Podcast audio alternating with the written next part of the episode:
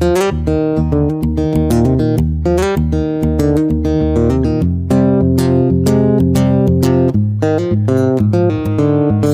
de oversteek hoorde je alles over zaken doen in de Verenigde Staten. Over je belastingen goed regelen. Potjes voor fouten, die, eh, die kunnen heel groot zijn natuurlijk. Ik denk dat VW eh, graag een potje had willen hebben. Nee, maar je moet gewoon die fout niet maken, niet willen maken. Culturele verschillen. Een Amerikaan als die zegt van let's do coffee, dan betekent dat niet dat ze volgende week woensdag koffie met je willen drinken, maar dat betekent van ik vond het gezellig. En hoe het is om de baas te zijn. Zo zijn ze, zou bijna zeggen, eh, gebrainwashed van eh, je doet gewoon wat je opgedragen wordt. En je treedt er niet buiten. Dus creativiteit van een manager om iets anders te doen dan wat in zijn functieprofiel staat, ja, is ongelooflijk lastig.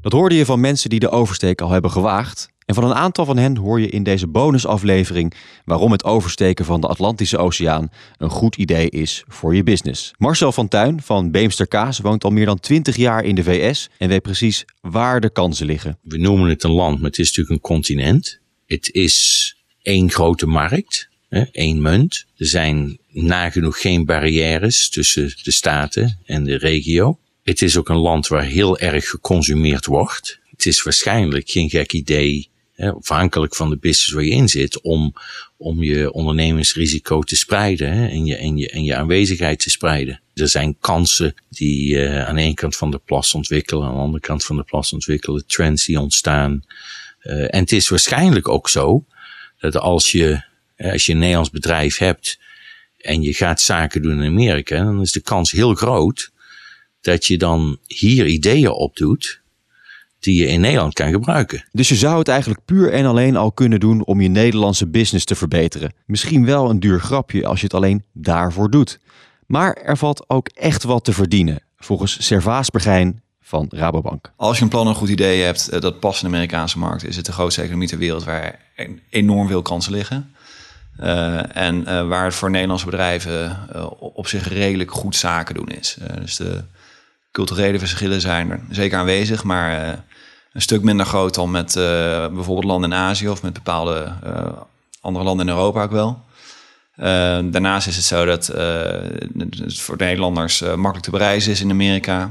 je bent er vrij snel eigenlijk. Het tijdsverschil is nog wel overbrugbaar. Dus er zijn allerlei factoren die ervoor zorgen dat, dat Amerika een interessante markt is.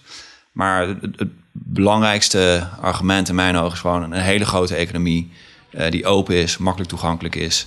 Uh, waar je dus makkelijk je product kunt opschalen en een omzet kunt gaan, gaan behalen. Daarnaast ben je niet de eerste die de oversteek maakt.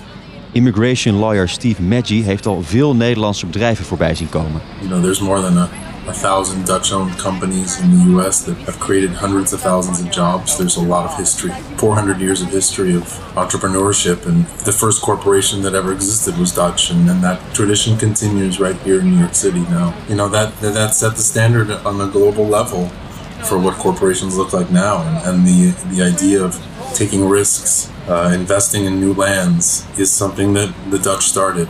Holland is one of the top uh, investing countries in the U.S. per capita. I think it's always in the top five.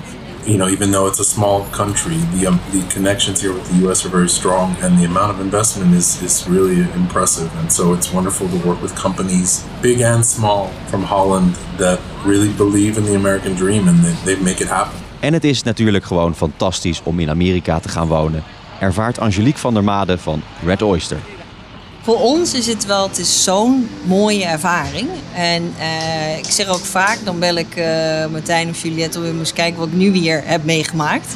Of wat voor evenement. Eh, gisteravond was ik bij een privéfeestje waar je met de aparte lift voor de, de leveranciers naar boven ging, naar het penthouse. Weet je wel, zo'n soort feestje.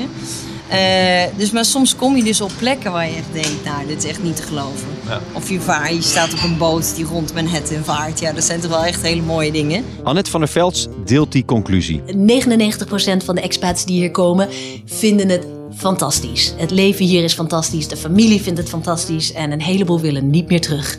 Dus het is een avontuur.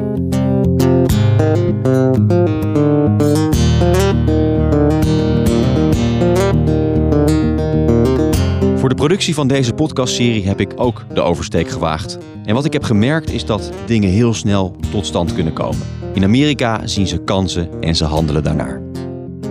Deze podcast wordt mede mogelijk gemaakt door Rabobank, RSM Nederland, Baker McKenzie en TAPS. Wil je meer podcasts horen? Kijk dan op microfonemedia.nl.